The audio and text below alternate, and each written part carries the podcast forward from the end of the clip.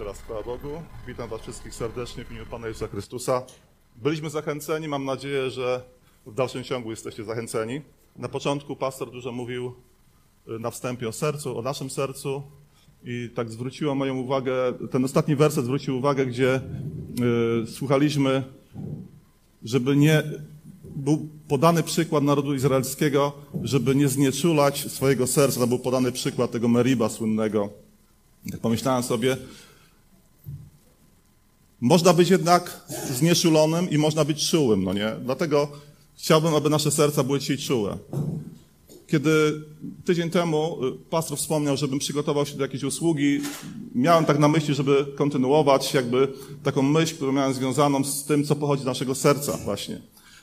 Y, o tych rzeczach, które nieraz nas dominować, a które nie powinny być, bo nasze serce, żeby było wypełnione Duchem Świętym, ono musi być pozbawione pewnych rzeczy. My z tym walczymy, ale to naczynie powinno być przygotowane, przygotowane na to, żeby w nim mieszkał Duch Święty. I tak myślałem sobie, bo przychodzimy do kościoła. W kościele, wiadomo, jest, robimy kościelne rzeczy, ale tak naprawdę, jakimi jesteśmy chrześcijanami, o tym decydują, definiują nas później w naszym życiu nasze właśnie emocje, to, co pochodzi z naszego serca. I zastanawiałem się nad jaką emocją powiedzieć tutaj, o czym mówić. Ale pomogło mi w tym kazanie właśnie w zeszłą niedzielę, kiedy pastor mówił taki przykład, y, tam było mówione o, o Piotrze, o tym zaparciu Piotra. I jeżeli uważnie słuchaliśmy, to było mówione coś takiego, jak łatwo nam właśnie jest przejść od takiego, takiego zachwytu, jak miał Piotr. Y, później, tam dokładnie pastor mówił, że za parę miesięcy może, za jakiś czas y, potrafimy o tym zapomnieć, od tego odejść.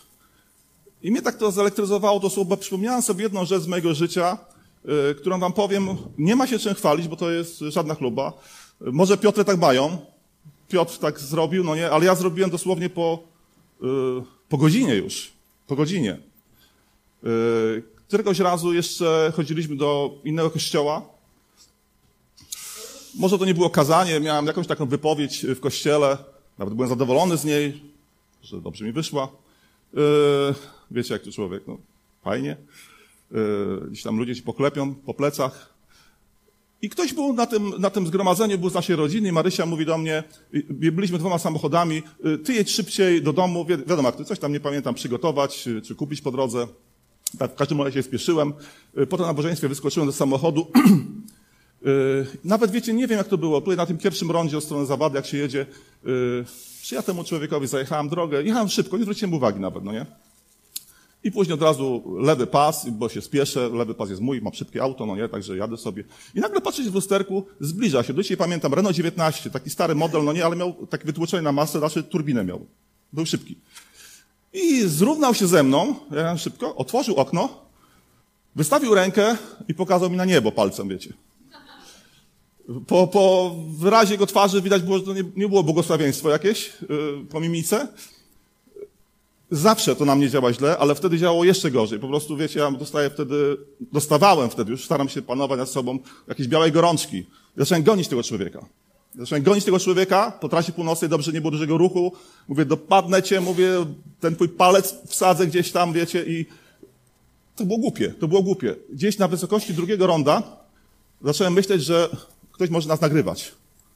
I w poniedziałek stanę się bohaterem jakiejś prasy plotkarskiej, bo ktoś to nagra, no nie? Ale to jeszcze mnie nie otrzeźwiło.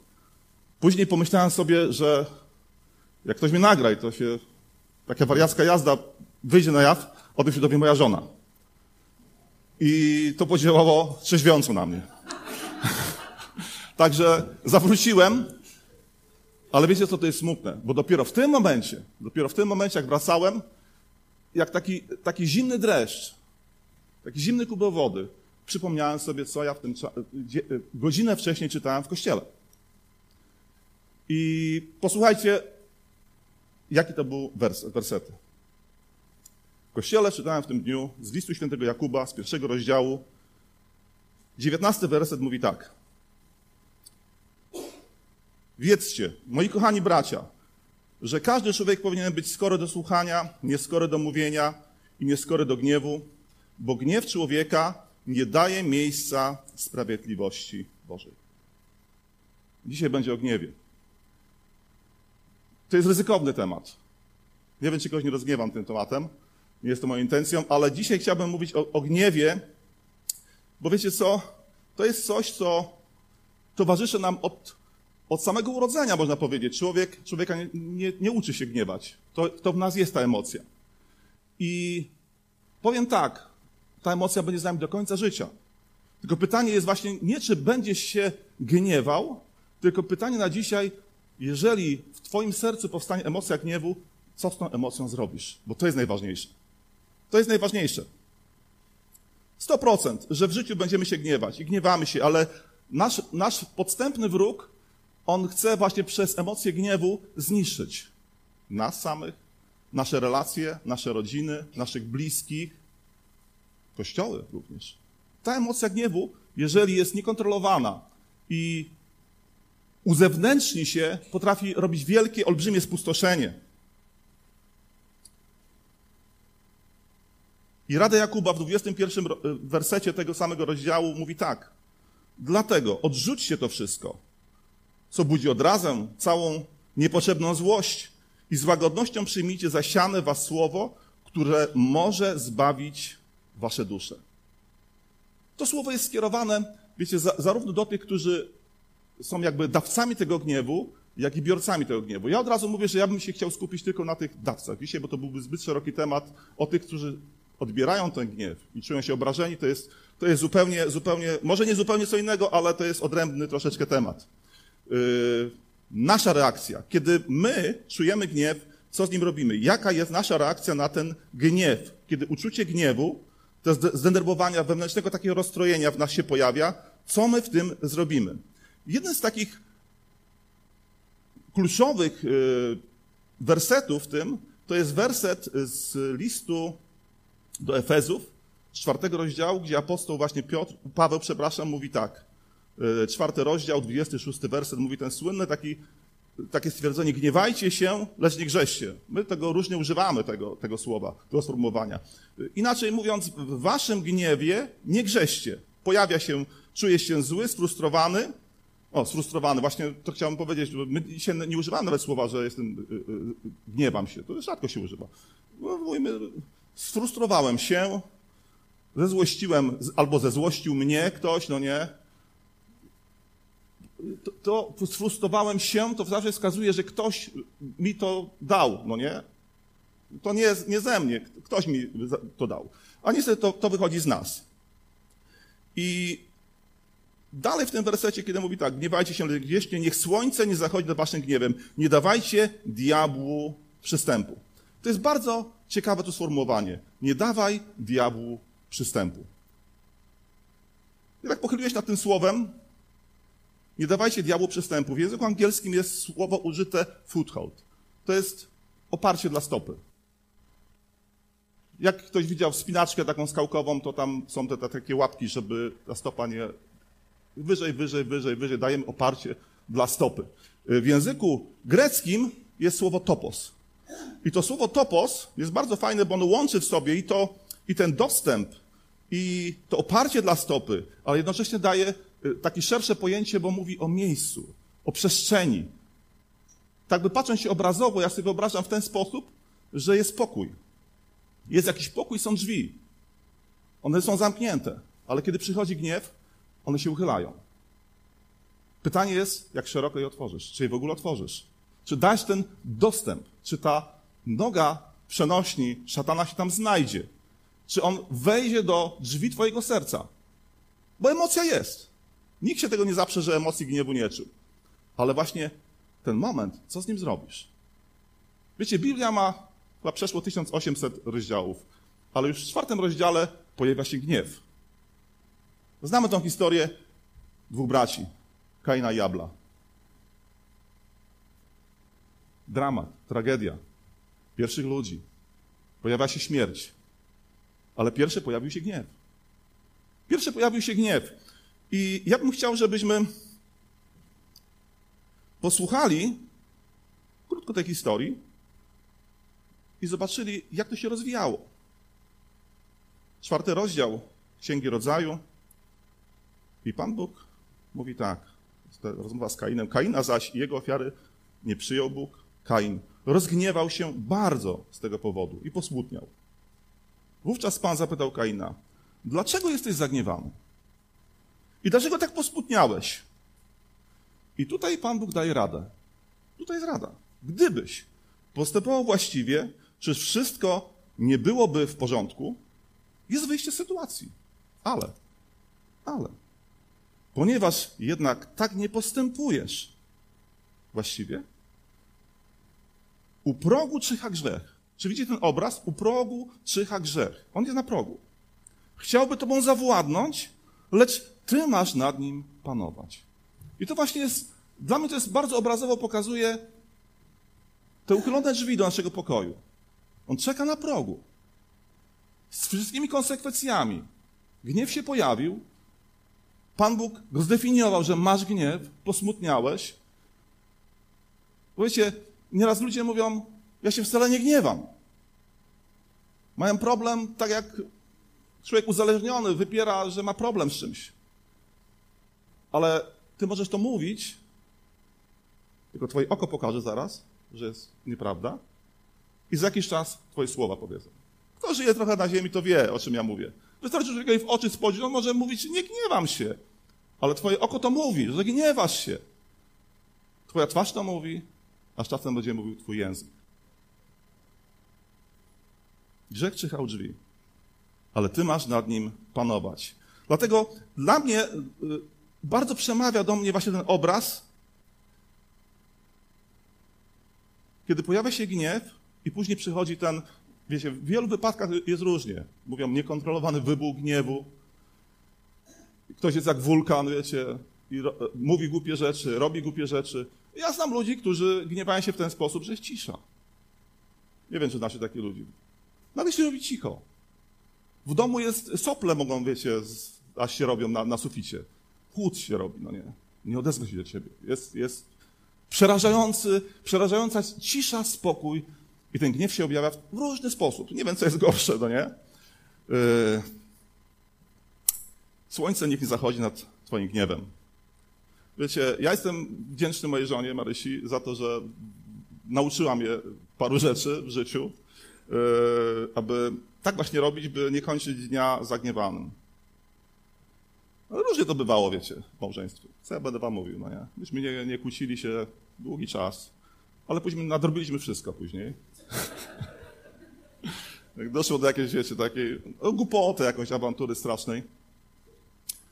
No i jeszcze tego, tej zasady nie mieliśmy. Idziemy, idziemy, idziemy do łóżka, idziemy spać, no nie? Małżeństwo. Mamy sypialnię, idziemy spać. Ale tego, wiecie, tego nie trzeba, tego nie uczą na, na poradach y, przedmałżeńskich, y, jak to się robi. Y, zasadą numer jeden, nie wolno się odezwać do siebie. Kto odezwie się pierwszy, przegrywa w tej grze. To, to, Przez łóżko przebiega taka niewidzialna granica, mniej więcej w połowie, granica chłodu i odwracacie się do siebie plecami. Odwracacie się plecami, no nie? Broń Boże. Co parę, co parę minut bo nie zasypiacie oczywiście. Podziwiam ludzi, którzy od razu chrapią w takich, w takim stanie. Nie, ja tak nie robię, ani moja żona nie. Co parę, co parę minut takie puknięcia są, no nie? Takie sygnalizujące, że ten gniew cały czas tam jest człowieku, no nie? No. Jeżeli, jeżeli jakimś instynktem takim małżeńskim czujecie, że jakiś palec się zbliża do tej granicy tam, wiecie? Próbuję przekroczyć, to robicie kontrą tak o, od razu, nie? Przewracacie się, no nie? Strasznie głupie. Strasznie głupie. Ktoś po, e, kto jest singlem tutaj, no nie powie, ale patologia, no nie? Za, za małżeństwo, ja będę sobie innego w łóżku robił. Okej, okay, spokojnie. Jeżeli tego unikniesz, to zaoszczędzone pieniądze na terapii małżeńskiej na wycieczkę wydaj, no nie? A mi kawę, żebyście postawili kiedyś. Yy... Później powiedzieliśmy, że tak nie można robić. Może nie zachód słońca, wiecie, tu teraz zachód słońca jest bardzo wcześnie, to nie mało czasu jest, no nie? No nie idziemy spać, jak się nie pogodzimy, no nie? No to później jakbyśmy się pokłócili w czwartek, to nie szliśmy spać aż do soboty. Troszeczkę przesadziłem, no nie? Ale staramy się, żeby, żeby tego, tej emocji gniewu nie przenosić w nasze życie. Żeby nie iść z tym. Żeby, żeby, wiecie, pewne słowa jak już padną, pewne rzeczy, jak są wypowiedziane, pewne czyny, jak są zrobione, tego już nie wrócimy. To są rany. Ile później trzeba się napracować, żeby to wszystko, to wszystko odbudować, żeby to zmienić.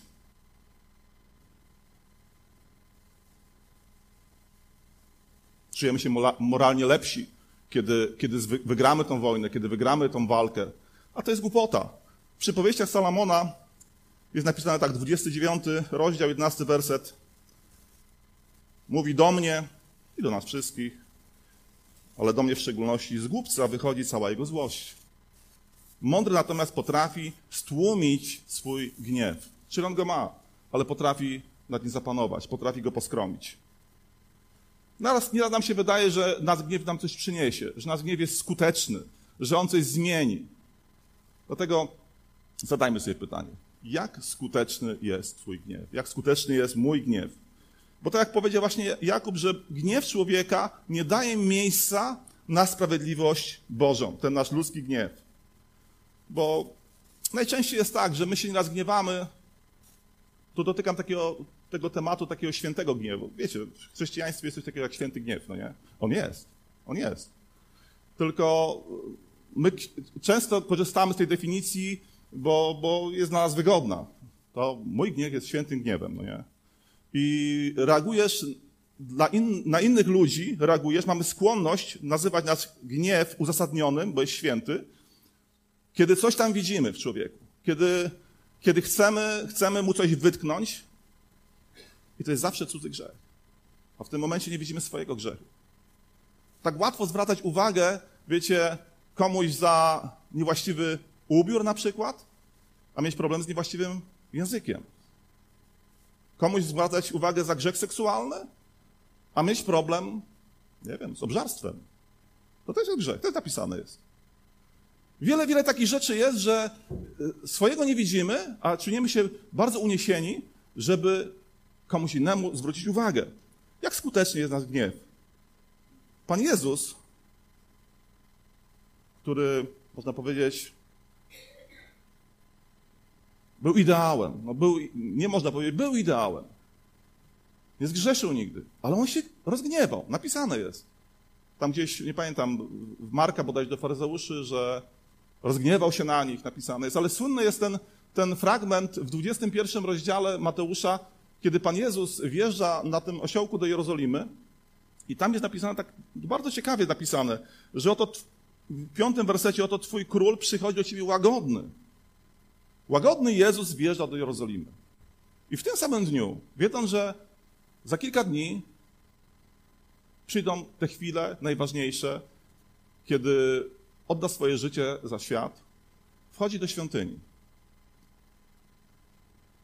Dwunasty werset mówi tak. Jezus natomiast wszedł do świątyni i wyrzucił wszystkich, którzy tam sprzedawali lub kupowali, poprzewracał stoły, wymieniających pieniądze oraz stragany sprzedawców gołębi. Mówił przy tym, napisano: Mój dom będzie nazwany domem modlitwy, a wy zrobiliście z niego jaskinię zdzierców. Ciekawy fragment. Ciekawy fragment, i z tego fragmentu możemy wywnioskować, że Jezus w swoim gniewie poniosło go, bo poprzewracał stoły. Tylko pytanie jest takie: z czego Jezus był znany? Jezus był znany z przewracania stołów? czy z kochania ludzi. Nie mamy napisane, że Mateusz podsumował to tak. No, to już jest czwarty stół w tym miesiącu. Halleluja. Nie. Kiedy powiedział to, że mój dom będzie nazywany domem modlitwy, a wy zrobiliście z niego jaskinię zdzierców, jest zaraz coś, co do, do tego wszystkiego nie pasuje. Zaraz potem przyszli do niego ślepi i kulawi, a on ich uzdrowił. Jezus nigdy nie gniewał się o to, kiedy ktoś jemu coś zrobił. Zwróćmy uwagę. Jezus był zdradzony, Jezus był odrzucony, Jezus był poniżony, Jezus był odrzucony przez y, swoich mieszkańców swojej okolicy nawet. Wiele, wiele rzeczy, o które mógłby się obrazić, mógłby się rozgniewać. Nigdzie napisane jest, że Jezus się rozgniewał na to. Nie. Jezus był znany z swojej miłości do ludzi, a nie z gniewu. Natomiast to, że on wywrócił stół, symbolizuje, że on się sprzeciwił pewnemu porządkowi. Jezus zademonstrował w ten sposób, że nie godzi się na coś, co było zdzierstwem, co było przestępstwem yy, nawet dla samych Żydów w zakonie, bo oni, wiecie, to był taki kantor wymiany walut, można powiedzieć w cudzysłowie, w kościele zrobiony, że ludzie przybywali z daleka, jak wchodzili do świątyni, nie mieli tego, co powinni mieć tam na, na te ofiary, to tam te ceny były wielo, wielokrotnie wyższe. I oni, oni z tego zrobili kupczenie. Wiecie, smutne jest, że takie rzeczy zdarzają się do dzisiejszego dnia. My nieraz, wiecie, mówimy o, o, o kościele katolickim, nas nie, to nie obchodzi. W kościołach protestanckich wiele jest problemów tak samo z tym, że nieraz ludzie mogą się czuć też obrażeni pewnym systemem, które ludzie chcą wprowadzić. Ludzie, nie Pan Bóg. Musimy mieć naprawdę trzeźwe spojrzenie. Co Pan Jezus w tym momencie zrobił? Że On się sprzeciwił. On pokazał swój sprzeciw i ten gniew faktycznie był święty. Jezus nie wpadł w gniew dlatego, że Jemu coś zrobiono, ale Jezus wpadł w ten gniew dlatego, że źle potraktowano ludzi. Pomyślmy, jaki owoc przynosi nasz gniew? Jaki owoc przynosi nasz gniew? Czy, czy nasz gniew pomaga zmienić świat na lepszy? Bo to, co Jezus tam uczynił, zmienił świat na lepszy. Bo zaraz przystąpili do Niego ślepi, kulawi, chromi ludzie i od razu byli gotowi do uzdrawiania. Zrobiło się miejsce. Zrobiła się przestrzeń do tego. Przed tym jej nie było. Przed tym jej nie było. My tak samo chcemy u siebie w domu, w rodzinie, gdziekolwiek zrobić przestrzeń, żeby Duch Święty miał miejsce. Jak często właśnie takie rzeczy, czy właśnie emocja gniewu, jakieś nieporozumienia, wypełniają naszą przestrzeń i nie ma już miejsca na to, żeby mógł Jezus wejść swoim uzdrowieniem. Uczyń przestrzeń dla tego. Gniew Jezusa zmienił otoczenie. I kiedy czytamy to, co ja czytałem z Efezów, z czwartego rozdziału, przeskoczymy dalej do 29, apostoł Paweł bardzo wyraźnie mówi, niech z waszych ust nie wychodzi żadne zepsute słowo. Mówcie tylko o tym, co dobre, dla zbudowania w potrzebie.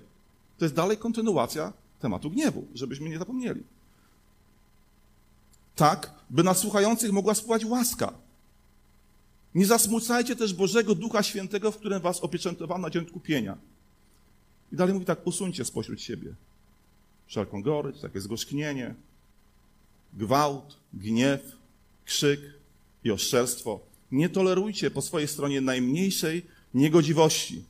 Bądźcie jedni dla drugich mili, serdeczni. Przebaczajcie sobie nawzajem, podobnie jak wam Bóg przebaczył w Chrystusie. Cudowne zalecenie. Wspaniały klucz do tego, żeby zastąpić właśnie emocje gniewu Duchem Świętym. Bo jeżeli ta emocja będzie, będziemy jakby zamknięci. Będzie będą uchylone drzwi. Ta stopa szatana, mówiąc tak obrazowo, ona tam się będzie cały czas wciskać. Zamknijmy drzwi naszego serca. Jak sobie właśnie radzić? Jak sobie radzić z reakcją gniewu? Tak już wcześniej mówiłem, jeżeli mamy gniew, pierwszą rzeczą to jest przyznać się do tego.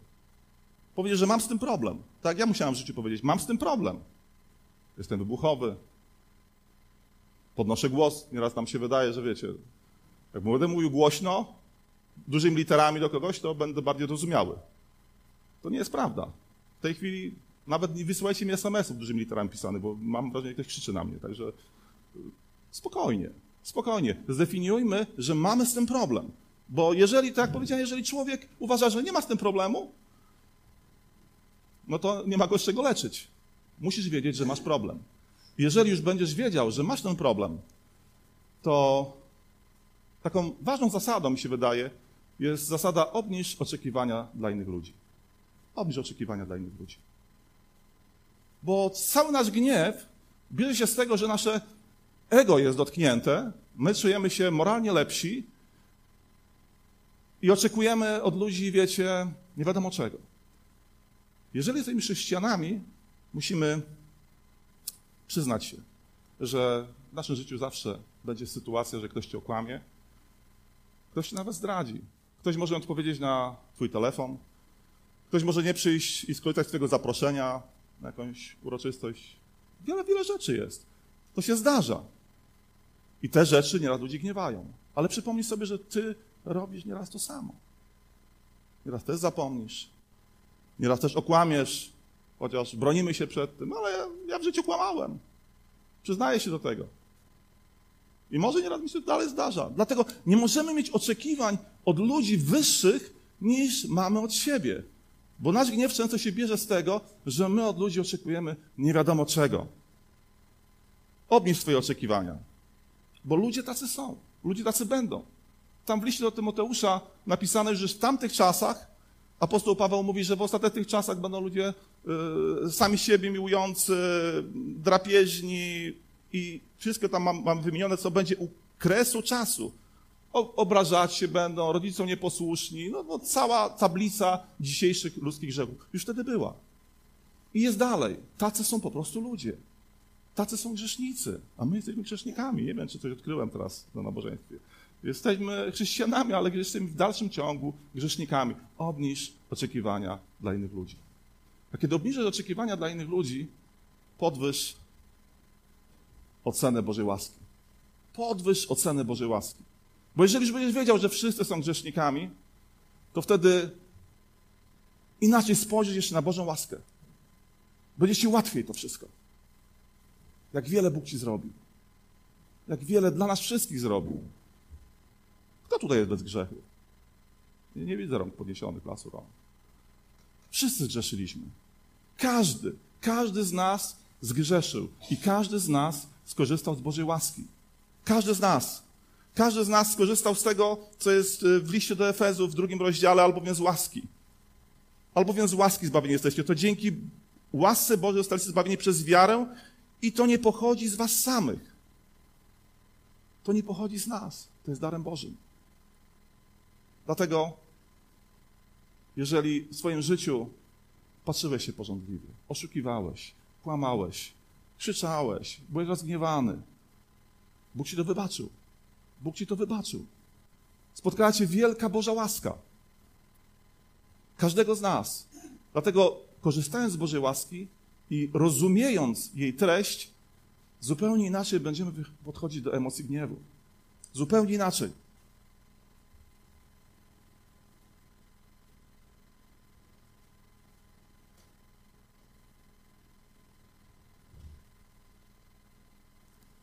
Ja wiem, że teraz zimy są, y, są już różne, takie mniej więcej jak teraz wyglądają, śniegu nie ma, ale niektórzy z y, dzieciństwa może pamiętacie, jak było tego śniegu więcej. Rzucaliśmy się śnieżkami, pamiętacie? Takie fajna zabawa. Jak się ukleiło taką śnieżkę z takiego zmarzniętego, miękkiego śniegu i się tam rzuciło, to właśnie to przy, przyjemnie tak się pobawić. Ale zdarzało się, że jak było roztopu, już ten śnieg był twardy i ktoś ukleił taką, taką kulkę, wiecie, taką ala kamień. Ktoś dostał taką kulkę w życiu? Ja dostałem parę razy. I wiecie, jaka wtedy emocja się w człowieku rodzi? Ukleję taką samą kulkę. I oddam ci, no nie? I będę celował w głowę jeszcze, żebyś poczuł. O, także tak jest. Dzieci nie trzeba uczyć.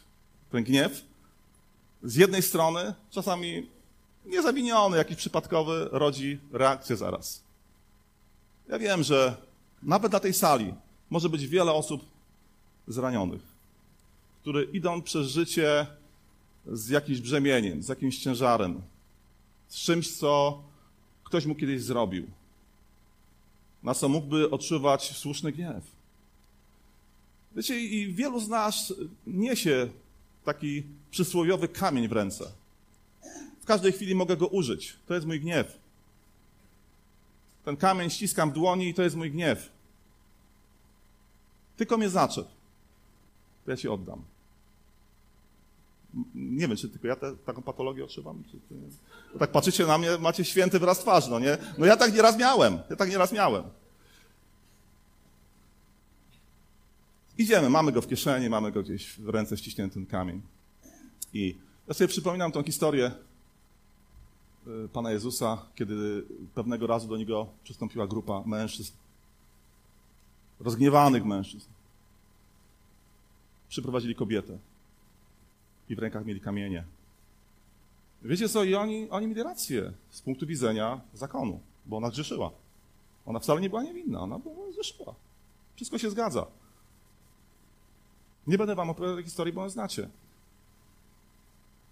I ta grupa mężczyzn chciała wyładować swój gniew. I to był właśnie święty gniew. Nieraz my odwołujemy się do świętego gniewu, który jest, który jest. Ale oni byli pobudzeni takim świętym gniewem właśnie. Zrobimy teraz porządek, bo jest jawny, jawny, jawny grzech.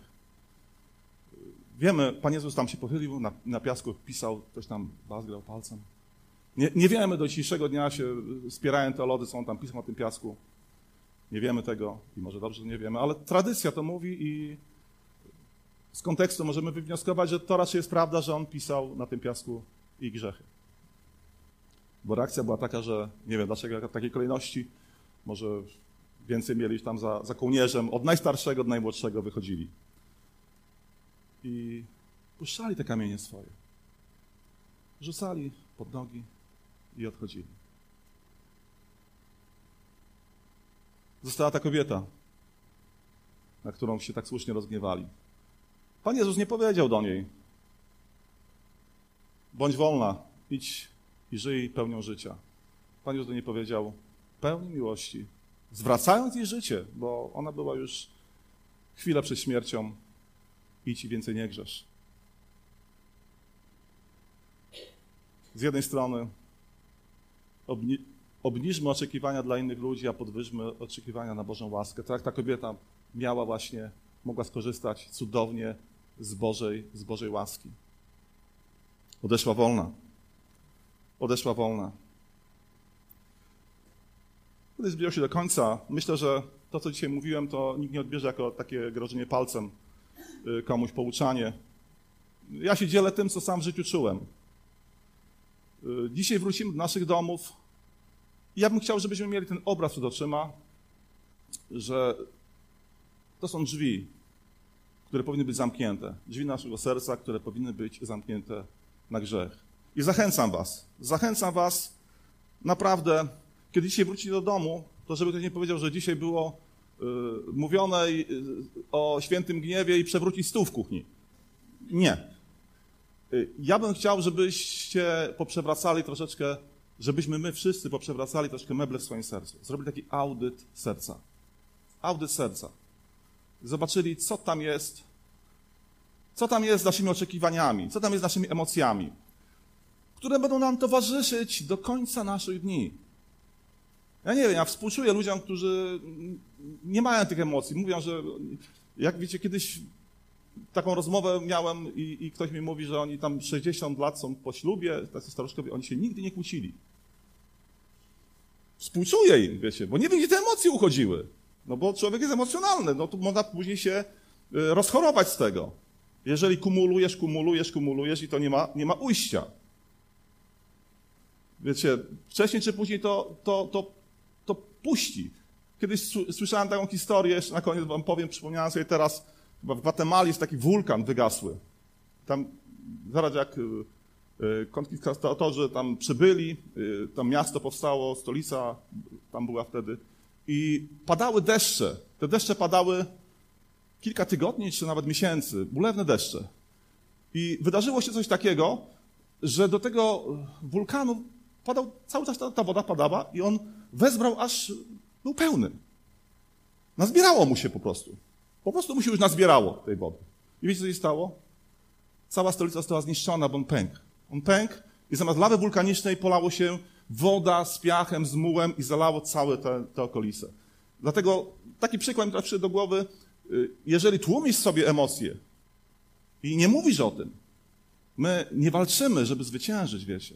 My walczymy, żeby rozwiązać problem. Jeżeli masz tą emocję w sobie, po prostu z tymi mniejszymi oczekiwaniami, ze świadomością Bożej łaski siądźmy, porozmawiajmy z szacunkiem dla drugiej osoby. Uratujesz przyjaźń, uratujesz swoje małżeństwo, uratujesz miejsce w pracy czasami. Wiecie, znacie takie sytuacje, że szef mnie obraził, trata, ta, pisze od razu maila, wysyłam, poszedł, już nie wrócisz, koniec. Już On na drugi dzień może nie mieć racji, on to jest szef, powie, zwolniony jesteś. Emocja gniewu. Emocja gniewu. Obniżmy te oczekiwania. Obniżmy te oczekiwania. Cóż, będę kończył. Nie wpuszczajmy do naszych serc szatana, ale wpuszczajmy Ducha Świętego. Kiedy te drzwi będą zamknięte na Jego emocje, wtedy będzie ten pokój naszego życia pusty, przygotowany do tego, o co prosimy. Duchu Święty przyjdź, Duchu Święty przyjdź. O tym, co czytał Dawid. Nie znieczulajcie swoich serc. Czyli miejcie czułe serce, serce mięsiste. Pan Bóg powiedział, że zastąpię serce kamienne sercem mięsistym. I my takiego czegoś chcemy dzisiaj. Chcemy, aby nasze serca były wypełnione Duchem Świętym, Jego radością, Jego pokojem. Wtedy, wiecie, nasze życie będzie kwitło. Wtedy przyszły tydzień będzie tygodniem zwycięskim. Przyjdziemy tu za tydzień i powiemy coś, że wow, naprawdę drobnymi kroczkami, ale coś zmieniłem w swoim życiu. Nie daję upustu swoim emocjom. Moje emocje zajął teraz Duch Święty. Powstańmy, podziękujmy Bogu. O Panie, dziękujemy Tobie.